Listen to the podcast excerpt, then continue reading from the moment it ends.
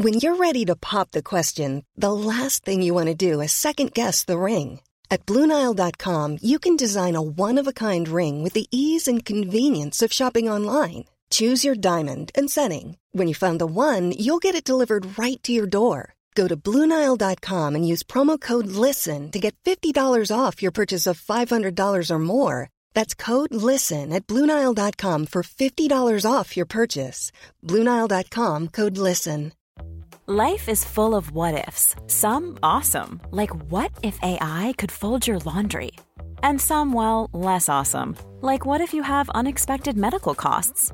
United Healthcare can help get you covered with Health Protector Guard fixed indemnity insurance plans. They supplement your primary plan to help you manage out of pocket costs. No deductibles, no enrollment periods, and especially no more what ifs. Visit uh1.com to find the Health Protector Guard plan for you. Det här avsnittet är sponsrat av Prime Crime, appen med tusentals svenska rättegångar. Dessutom läggs minst tio nya rättegångar till varje vecka, året runt. En rättegång som berörde mig det är taximordet i Enköping. En 26-årig taxichaufför som luras ut till ett naturreservat och eh, blev hängd i ett träd. Och det är fem ungdomar som döms. En 16-årig flicka och fyra unga bröder. En rättegång jag tyckte var väldigt fascinerande var föräldrar tvingade sin dotter att dricka ättika. Så otroligt galet. Prime Crime erbjuder även en tre dagars gratis provperiod. Och skulle du välja att bli prenumerant så erbjuder de antingen månadsbetalning för 99 kronor i månaden eller ett reducerat pris på två månader vid årsbetalning.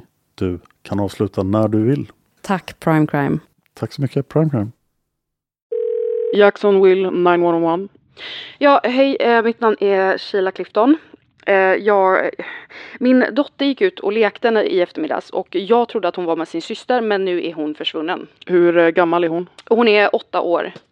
Var lekte hon? Precis runt husknuten. Är hon en vit flicka eller afroamerikansk? Hon är vit. Och vad hade hon på sig när hon gick ut?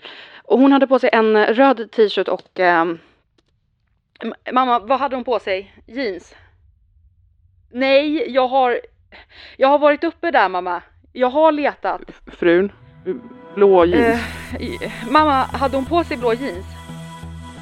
Vad hade hon på sig? Hon hade på sig... Hon hade på sig... Uh, hon hade på sig ett par shorts och en röd t-shirt. Är hon blond eller har hon svart hår? Eh, hennes hår är rödbrunt. Eh, det är brunt men ja, det är lite så slingor av rött. Det är kort. Vad heter hon? Hon heter Maddie.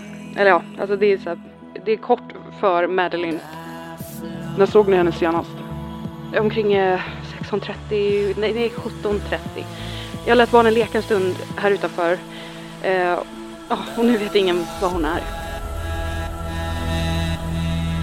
Du lyssnar på Mördarpodden. En podcast av Dan Hörning och Josefin Måhlén. Intro och bakgrundsmusik görs av Erik Segerstedt. Välkommen till Mördarpodden. Vi kommer snart att prata mer om larmsamtalet som ni hörde nyss. Jag trodde ju att eh, jag skulle spela in det här avsnittet själv så jag hade redan spelat in en liten radioteatersnutt med förvrängd röst och grejer. High tech som jag är. Men sedan sköts avsnittet fram och nu sitter jag här i Hörnings studio.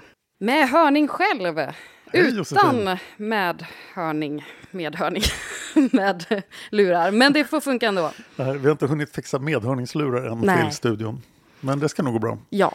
Nu är vi åtminstone 20 avsnitt in i den här studion. Precis. Mm. Även Olösta mord och eh, andra poddar har spelats in här. Ja, jag Nya Historiepodden har spelats in här, men den har nog inte lanserats när ni hör det här. Nej. Nu blir det historia, heter den. Jag tyckte det var lite kul när du sa, vi har spelat in 20 avsnitt här och jag bara ja, det har vi gjort. Och så tänkte jag att du menar mördarpodden. Nej, Nej det... mest olösta mord faktiskt tror jag. Ja. Och innan vi drar igång dagens avsnitt så vill jag tacka manusförfattaren. Vem kan det vara tror du? Jag gissar på Sofie Karlsson. Ja, det är ju vår Sofie Karlsson som har skrivit det här manuset. Och eh, en hel del andra. Jag har inte orkat eh, räkna. Nej, det gör vi i avsnitt 200. Ja, det gör vi i avsnitt 200. Då får vi räkna ihop allihopa. Men det rör sig om väldigt, väldigt många. Det här avsnittet innehåller våld mot barn och eh, sexuellt våld mot barn. Så det vill vi varna för innan vi sätter igång. Och apropå innan vi sätter igång så har jag en viktig sak jag vill berätta. Spelar ni över reklamen så får vi inga intäkter för det arbetet vi lägger ner och då blir det ingen podd. Så lyssna på reklamen är en vädjan från oss. Gör det och ni, om ni tycker Mördarpodden är en jättebra idé så kan ni också vara med och sponsra podden på Patreon. Patreon.com, sök på Mördarpodden. Så väljer ni en summa per avsnitt som ni tycker att vi är värda och gör vi inga avsnitt så kostar det inga pengar. Pengarna dras månaden efter så det kan bli lite förvirrande. Och idag är den sista dagen som ni kan anmäla er till Mördarpodden-ölen. Ja! Den 22 oktober i centrala Stockholm. Anmälan kan bara ske på Patreon av aktiva sponsorer på Patreon. Så det måste vara en sponsor till Mördarpodden. Eller en manusfattare och de flesta manusfattarna verkar komma på den här. Så är du på Patreon, gå till den låsta posten Mördarpodden-ölen och anmäl dig via ett meddelande till oss. Så ses vi i centrala Precis. Stockholm den 22 oktober. Och eh, blir det här en succé så gör vi om det. Jag är så taggad på Mördarpodden, ö, mördarpodden, mördarpodden-ölen. Ja, det är viktigt att inte kalla det mördarölen, det låter inget bra. Nej, just det. Det var lite svårt att sätta namn på det. Och på Patreon så är det ju inte ens någon reklam på våra avsnitt. Nej, just det. Vi har spola. från Richard Chase, eh, del 1 och framåt, så finns alla avsnitt på Patreon utan reklam. Ja. Så där kan ni slippa reklamen helt.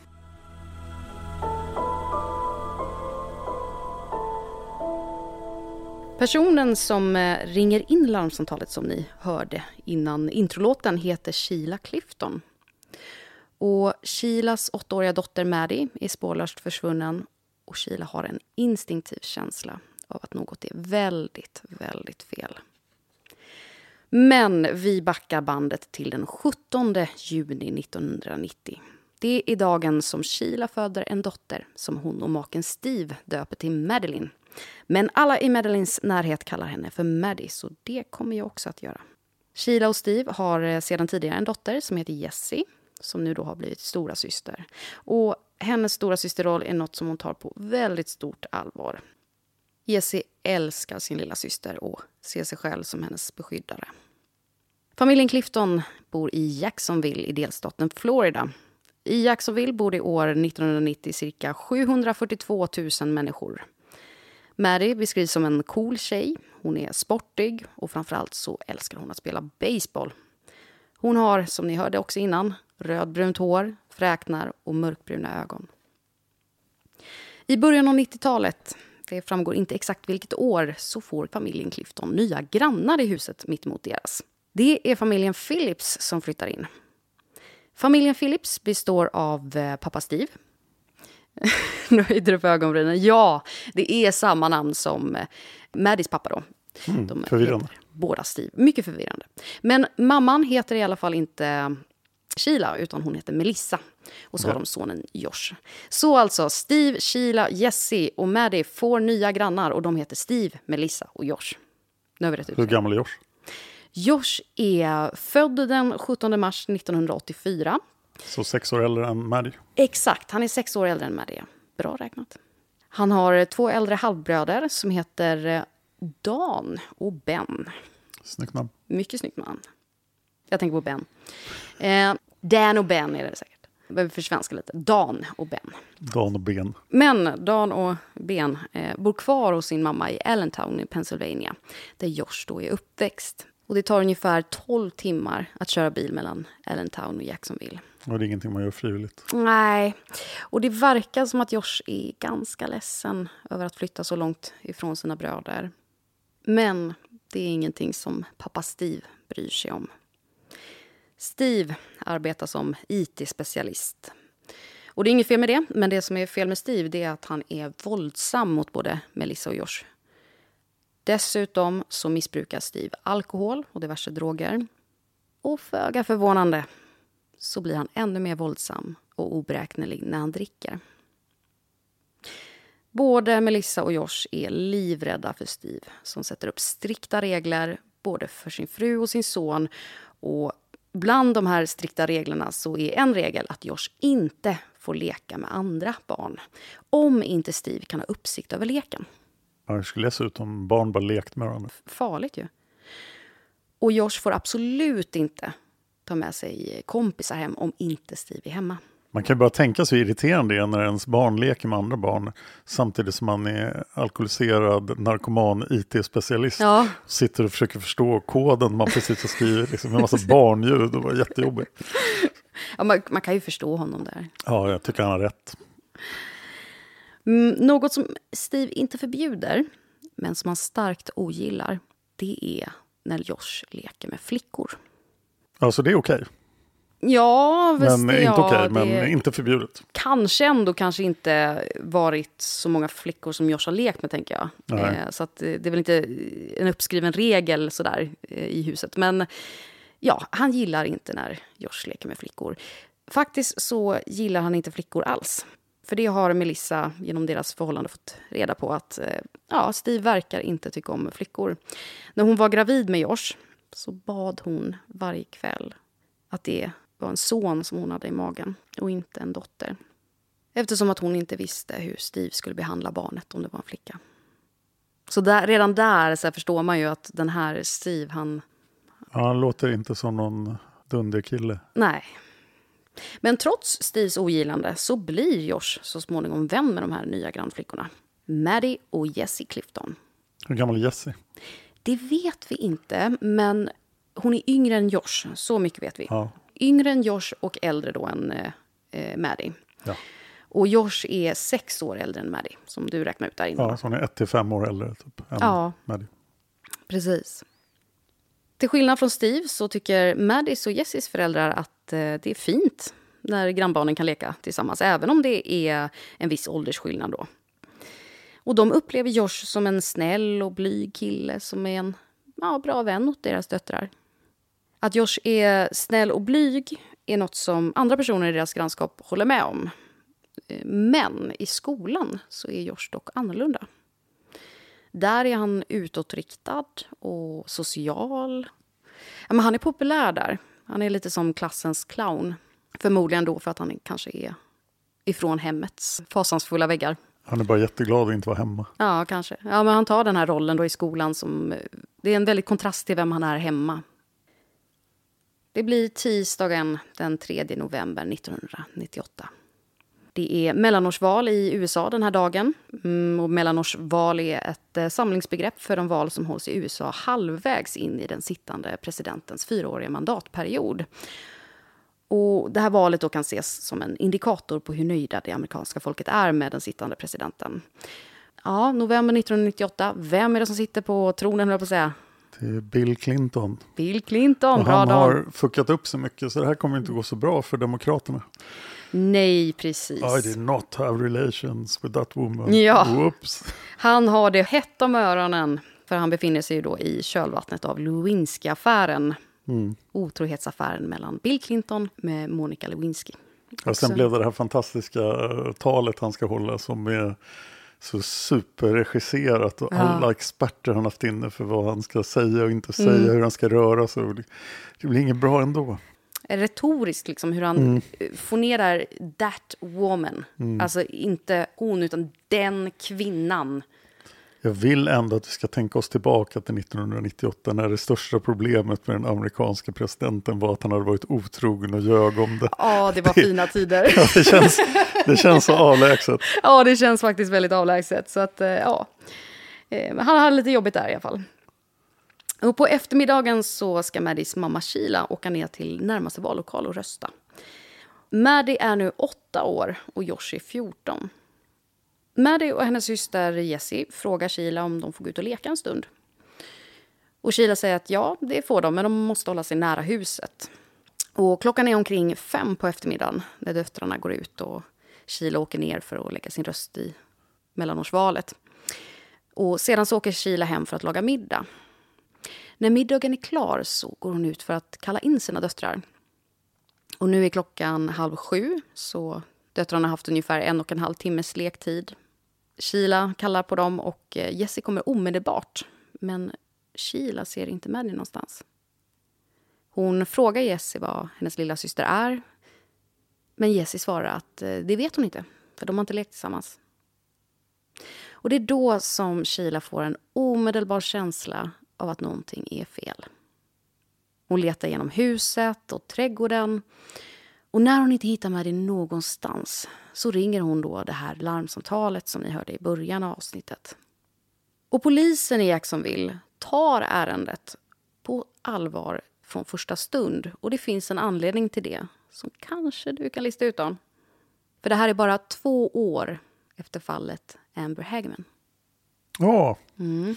Ja, Amber alert, det har vi gjort i Olösta mord. Precis, Ett jättetidigt avsnitt i Olösta mord. avsnitt sju. Ja, ja, skrivet av Sofie Karlsson. Ja, Medvetenheten om just barns försvinnanden och hur snabbt man måste agera ja, spreds ju verkligen i med det fallet. ja.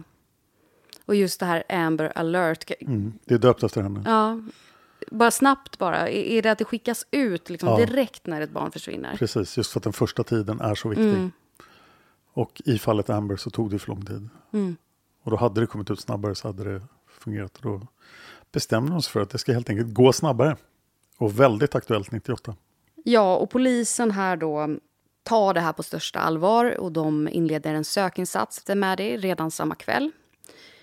Och i princip hela grannskapet deltar i den här sökinsatsen som varar långt in på natten.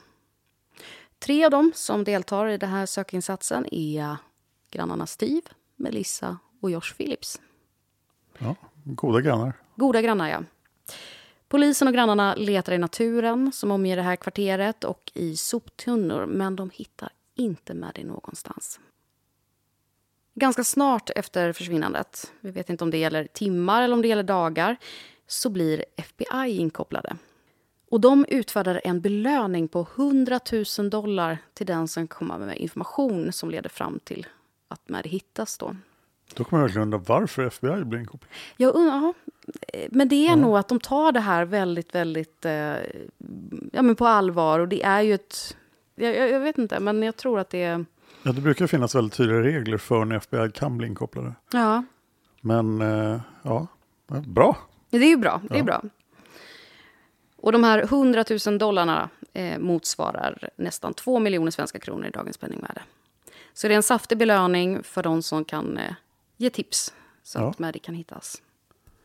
Ja, det var en rejäl belöning. Ja. Och FBI och polisen de, eh, de gör sitt jobb. För snart får polisen och FBI en huvudmisstänkt. Det är en granne till familjen Clifton. Han heter Larry Grisham och är 45 år. 20 år tidigare så hade Larry blivit dömd för misshandel. Och det var ju ändå 20 år sedan då. Ja, Men eh, flera grannar vittnar dessutom om att Larry ofta leker med grannskapets barn. Och det tycker polisen och FBI är lite misstänkt. okej.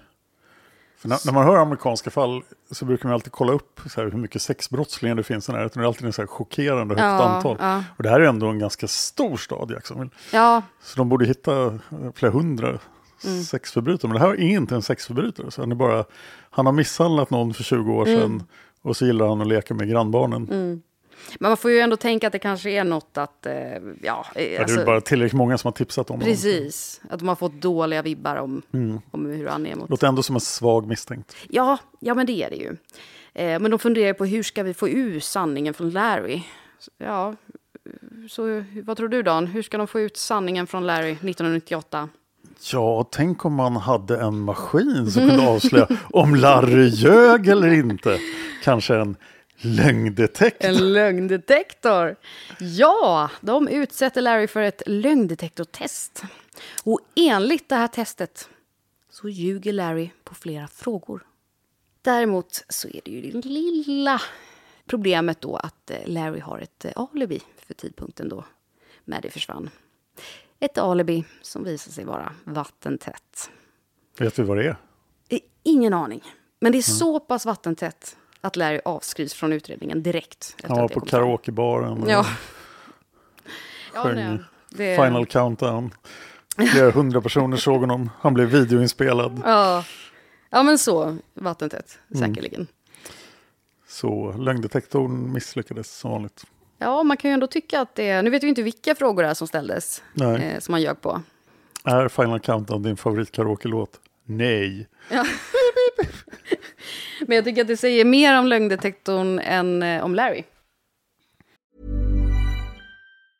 A lot can happen in the next three years. Like a chatbot may be your new best friend. But what won't change? Needing health insurance. United Healthcare Tri Term Medical Plans are available for these changing times. Underwritten by Golden Rule Insurance Company, they offer budget friendly, flexible coverage for people who are in between jobs or missed open enrollment. The plans last nearly three years in some states, with access to a nationwide network of doctors and hospitals. So, for whatever tomorrow brings, United Healthcare Tri Term Medical Plans may be for you. Learn more at uh1.com. Ryan Reynolds here from Mint Mobile. With the price of just about everything going up during inflation, we thought we'd bring our prices down. So to help us, we brought in a reverse auctioneer, which is apparently a thing.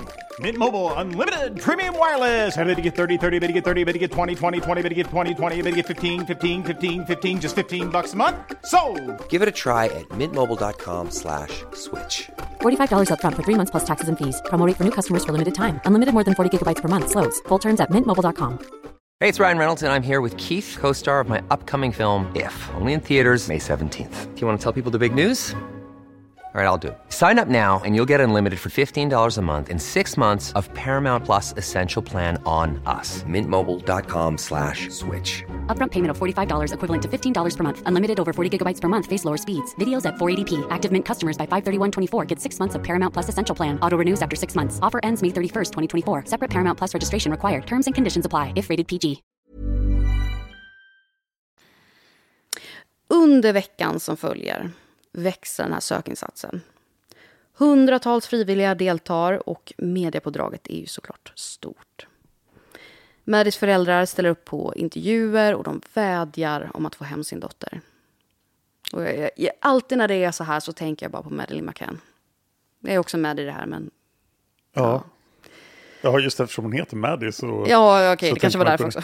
Jag tänker ganska mycket på Adam Walsh eftersom det är i eh, Florida också. I en intervju så säger Sheila.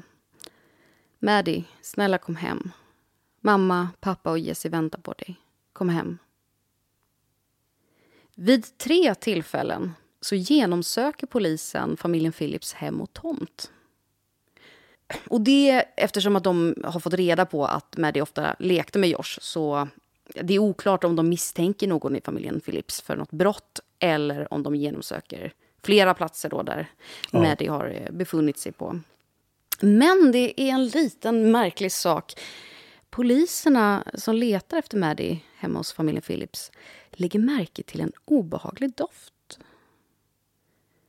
De resonerar dock att den här obehagliga doften då, ja, men den kommer förmodligen från familjens fågelburar. För ja, de Vilka ägde... äckliga fågelburar. Ja, verkligen äckliga fågelburar. Men de ägde tydligen väldigt många fåglar då som husdjur. Så att, och skötte kanske inte de burarna så, så bra. Gross. Ugh. Tisdagen den 9 november 1998 har det gått en vecka sedan Maddie försvann. Oj, det är oroväckande. Det är oroväckande. Det man säger, de första, egentligen de första 24 timmarna, men de första 48, 48. har man ofta också. Och det verkar inte som att polisen eller någon frivillig har hittat så mycket som ett spår efter henne. Hennes pappa Steve och mamma Sheila spelar den här dagen in ett längre reportage om dottern i hopp om att få ledtrådar om vad hon är. Samtidigt så går Melissa Phillips in på sin son Josh rum för att städa. Dags är rent i fågelburarna. Hon lägger märke till en våt fläck på sonens golv och att det luktar konstigt in i rummet. Hä? Josh har en vattensäng. Okej. Ja, sånt där som var populärt på... eh, Jag vet inte, när var det? Ja, de, de fanns på den här 90-talet tiden. typ. Ja, ja. Det, och innan tror jag. ja, 80.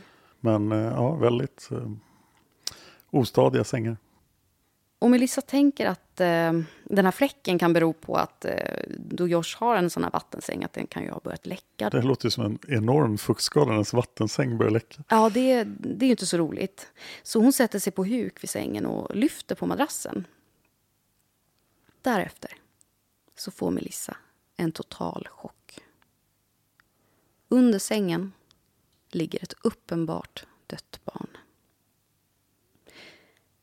Melissa rusar ut från sonens rum och ut ur huset. Och hon springer fram till en polis som befinner sig i området för att utreda Maddys försvinnande. Så det var ju kryllade av poliser där. Och när hon kommer fram så hon får inte fram ett ord utan hon, hon bara insisterar på att polisen ska följa med henne. Så polisen följer med Melissa till deras hem och eh, från hallen så pekar Melissa in mot Joshs rum. Och hon vill inte gå in där, så polisen går in ensam. Och han ser direkt att det sticker ut två små fötter från Joshs säng. Steve och Sheila Clifton ser att polisen börjar spärra av familjen Phillips hem med avspärrningsband.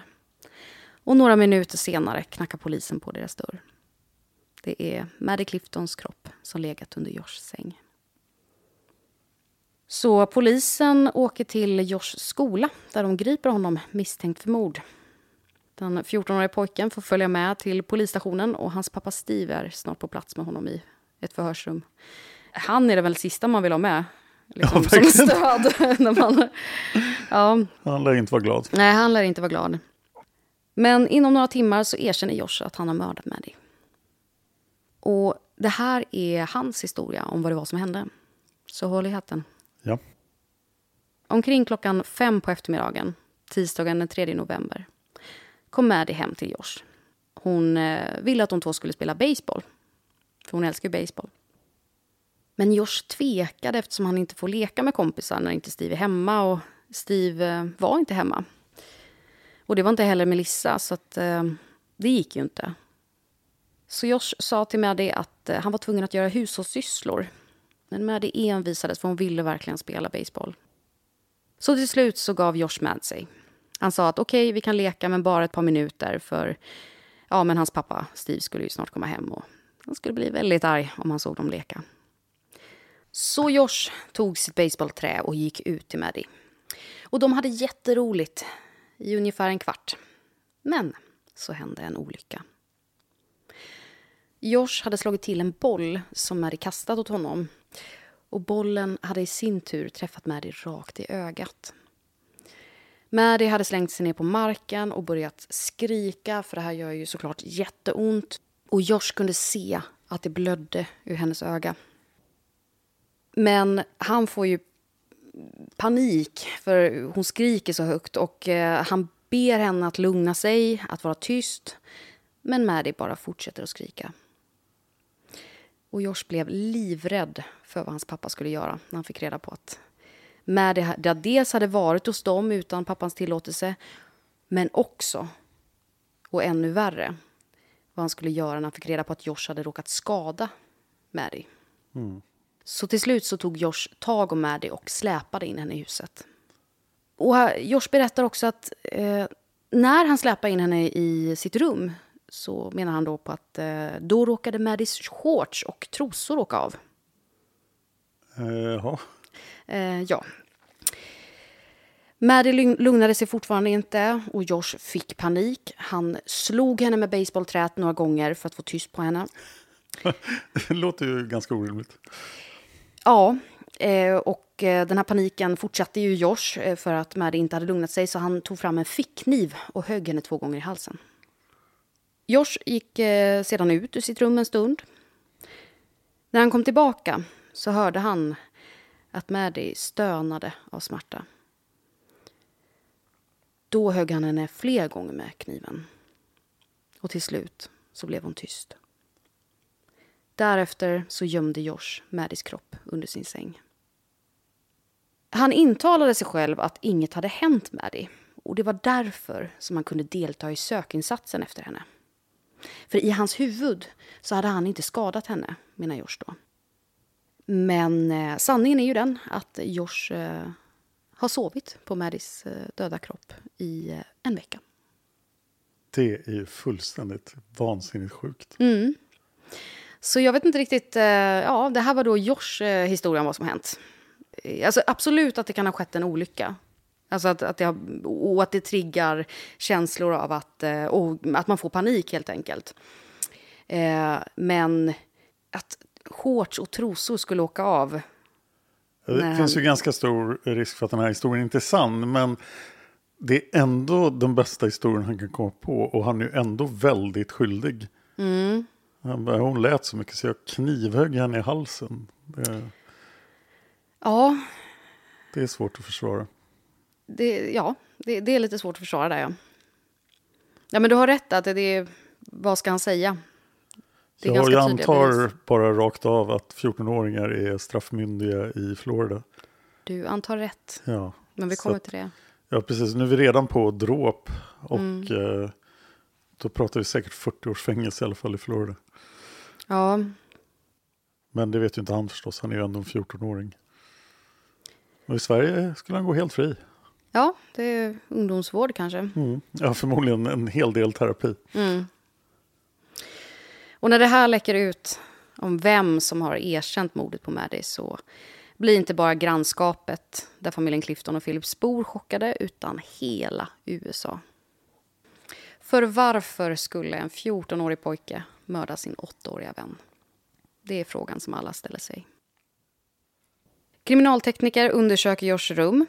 Där hittar de bland annat eh, bloddränkta tennisskor, ett blodigt baseballträ, en kniv, Maddies shorts och Maddies trosor.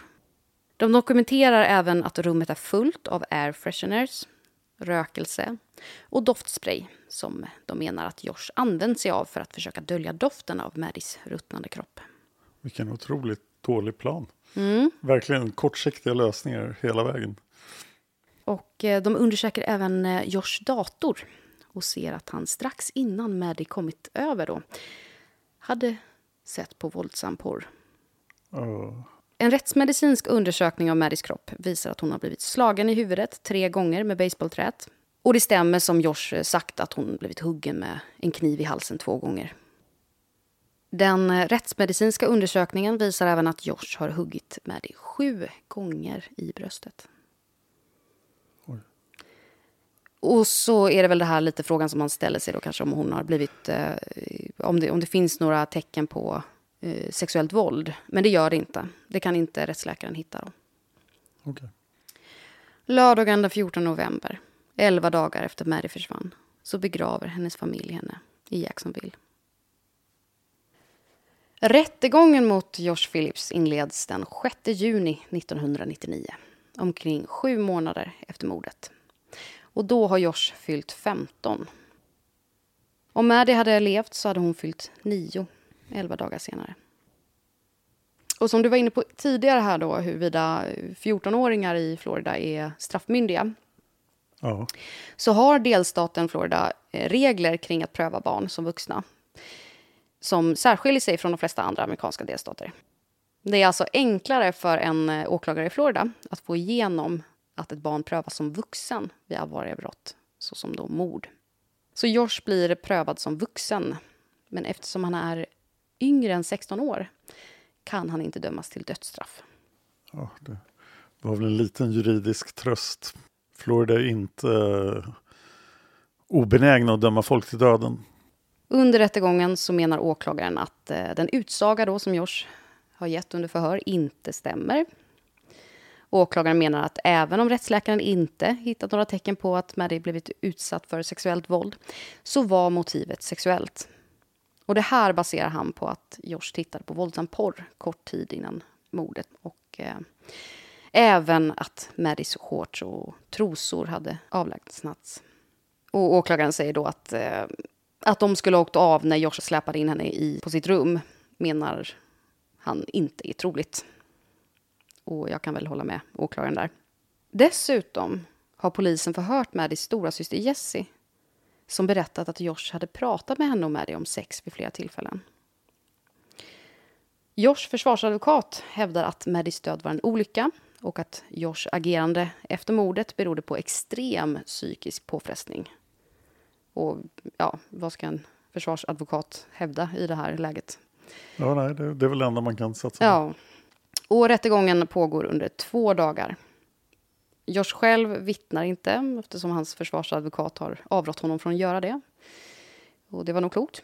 Generellt alltid en bra regel i amerikanska rättegångar att inte vittna Mm. när man är den åtalade. Juryn, ja, hur länge tror du att juryn överlägger det här? Ja, de behöver inte överlägga dödsstraff. Men eh, ja, det verkar ganska solklart. Sex timmar. Två timmar. Oh. Mm, så det var en snabb kopp kaffe. Ja. Och vad tror du att eh, de dömer honom till? Skyldig till mord. Mm, de dömer honom skyldig till att ha mördat Maddie Clifton. Straffet då? Ja, offret är ju ett barn. Det är frågan om det blir någon straffrabatt för låg ålder. Det vet jag ingenting om i Florida, men jag skulle tippa på livstidsfängelse ändå. Ja, hans straff blir livstidsfängelse. Josh och hans advokat överklagar hans dom utan framgång. Och det gör de år 2002, 2004, 2005 och 2008. År 2012 händer dock något som förändrar läget. En dom från Högsta domstolen fastställer att det strider mot den amerikanska grundlagen att ge minderåriga livstidsfängelse. Just det. Mm. Så på grund av detta så får Josh år 2016 beviljat ett så kallat hearing, alltså en process av förhör i domstolen.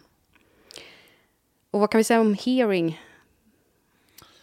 Ja, det är bara ett ord som betyder just process. Ja. Förhandling av något slag. Men jag antar att de ska ha den här för att sätta hur långt straffet ska bli. Och han har ju redan suttit i förvar då i 18 år. Så Mm. det känns ju som att han kommer få gå. Men det är väl också att man pratar med anhöriga och får deras Ja, syn det på saken. de gör, absolut. För det skiljer sig väldigt mycket från svenska. Ja, de här anhörigförhören. Så du är snabbräknad alltså, 18 år, det stämmer. Ja, För det här inleds i juni 2017. Och Josh är då 33 år gammal. Så just det. alltså, så det kommer inte förrän 2017 när han suttit i 19 år. Då. Ja. Nej. 18 Ja, år sen, efter sen, han, rättegången. sen han Ja. greps. Ja, precis. 18 Ja, år efter precis. rättegången. Mm. Och under den här hearingen då så ger Josh Maddys familj en offentlig ursäkt. Och så här lyder delar av den. Citat. Det här är till Maddie Cliftons familj. Jag har velat säga det här väldigt länge och jag är tacksam för att jag får möjligheten att göra det. Jag låtsas inte förstå eller veta er smärta eller det tomrum som jag skapat i era liv. Jag kan dock säga att jag förstår smärta. Jag har blivit ganska intim med lidande. Att växa upp i fängelse medför att man får se många mörka saker och jag har varit på mörka platser. Jag har flera gånger övervägt att ta mitt liv för att fly från allt. Men jag har lärt mig att inse värdet av livet. Jag har lärt mig att se det vackra och det lyckliga och att få uppleva villkorslös kärlek. Jag önskar att jag hade vetat och förstått detta när jag var 14. Hade jag det så hade det här aldrig hänt. Jag visste inte vad livet betydde, eller vad döden betydde. Jag hade inte levt länge nog för att veta vad sant lidande är. Jag gjorde något hemskt och jag är så ledsen för det. Jag är så ledsen för det som hände. Jag är så ledsen att jag tog ett så värdefullt liv och jag önskar fortfarande att jag kunde ta er smärta. Inte en dag går utan att jag tänker på vad som lett mig hit. Jag hoppas ni kan leva era liv till fullo trots den skada som jag åsamkat. Slut citat. Ja, han har ju en poäng också. Det är därför vi inte straffar 14-åringar i Sverige Mm, på det mm. sättet. För att han fattade ett jättedumt beslut. Och det känns ju ändå orimligt han ska sitta i fängelse hela livet. För det. Den personen han är vid 33 års ålder är ju en helt annan person än, än den korkade 14-åringen. Sen är det ju väldigt oklart vad det var som hände där. Mm. Det vet man ju faktiskt inte. Man kan ju anta att det inte rörde sig om en olycka då. Eh, utan att, men man vet inte Nej, hur... av hans formulering då också lät det verkligen inte som en baseballolycka började. Nej, nej. Sen kan jag tycka att han kanske borde skippat den här sista meningen. Att jag hoppas att ni kan leva era liv till fullo trots den skada som är åsamkat. För att man kan aldrig leva sitt liv till fullo. Eh, man kan leva vidare, men det här kommer ju alltid vara med om. Josh dom om livstidsfängelse fastställs i november 2017.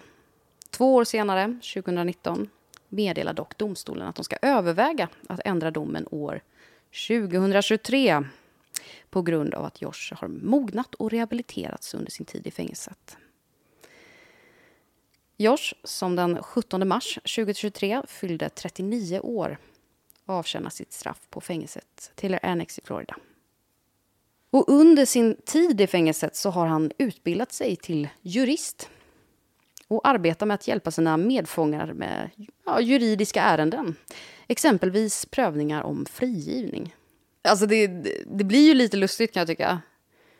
Ja. Alltså, det är ju lite som att gå till en skallig frisör eller en tandlös tandläkare. Så här, ska han sitta där och bara, jag kan hjälpa er att bli fria. Jag sitter inne. Ja, så här. Steg ett, döda inte åttaåriga flickor.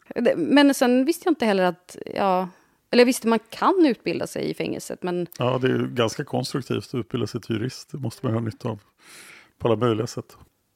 Men även om det här brevet som han skrev då 2016, att det låter ändå som att han inte menar att det var en olycka.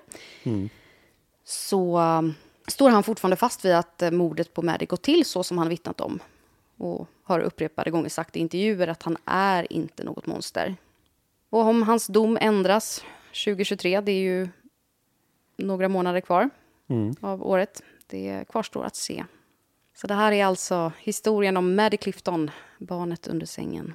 Skrivet av Sofie Karlsson, vars källor vi kommer posta på Patreon. Spännande. Ja, vilket fall.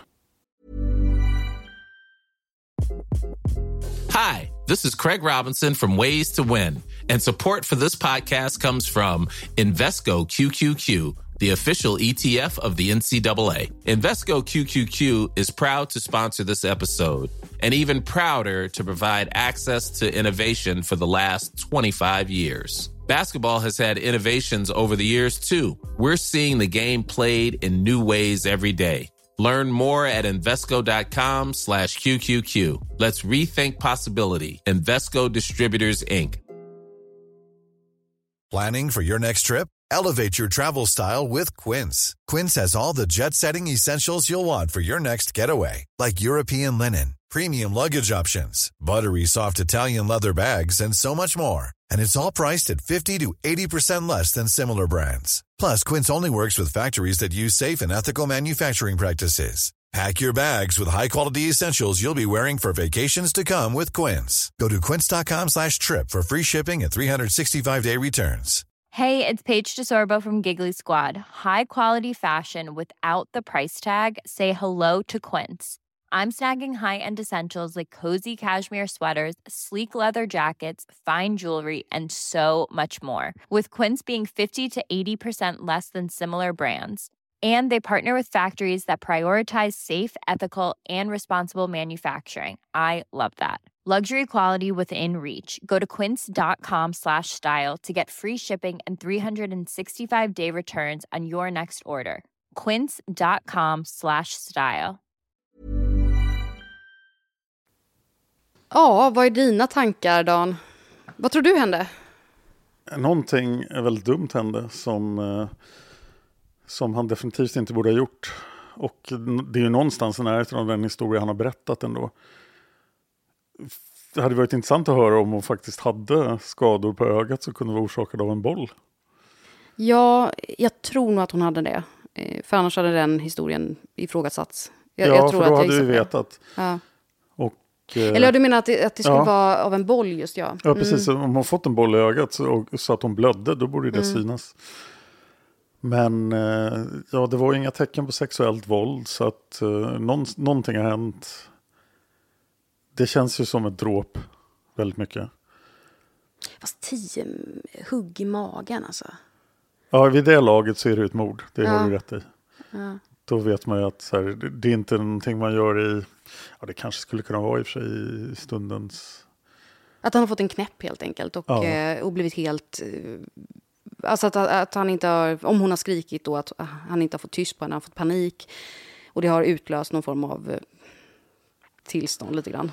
Det är ju eh, intressant att titta på parallellen till Alexandermorden. nu, Ja. För nu, nu släpps ju en av gärningsmännen ut efter 24 år. Mm.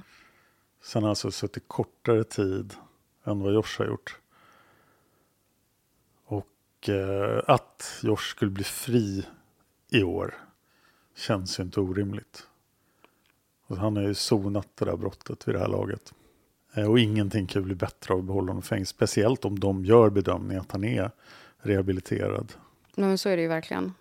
Så eh, ja, Men jag är ändå lite nyfiken på hans skuld. Alltså att om det hade varit någon form av planerat av något slag. Eller att det har varit mm, ja, men lite mer än bara fått en total knäpp. På grund av att han har varit uppväxt i väldigt svåra förhållanden. Och eh, att han har fått någon form av stressbryt. Liksom.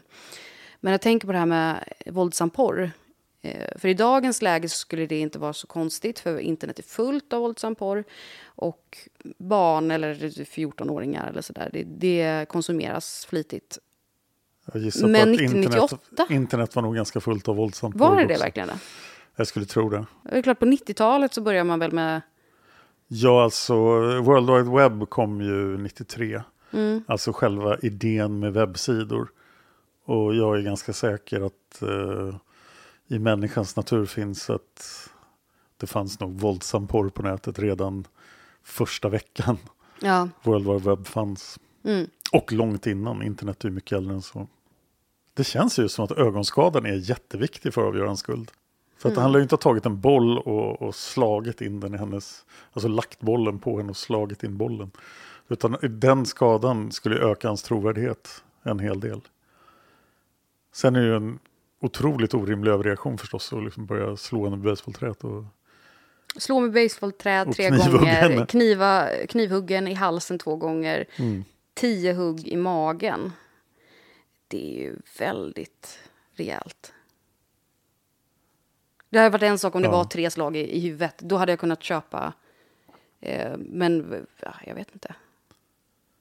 Men att han är en förändrad människa, det kan jag ändå kanske köpa. ja, då får man säga att eh, fångvården kanske har fungerat i det här fallet. Mm. De har rehabiliterat honom. Ja, och han har ju fått eh, möjlighet att utbilda sig i Ja. fängelset. Är det vanligt att folk utbildar sig i fängelset? Det I, tror jag absolut att Alltså det i är. USAs fängelse? Ja, det tror jag. Mm.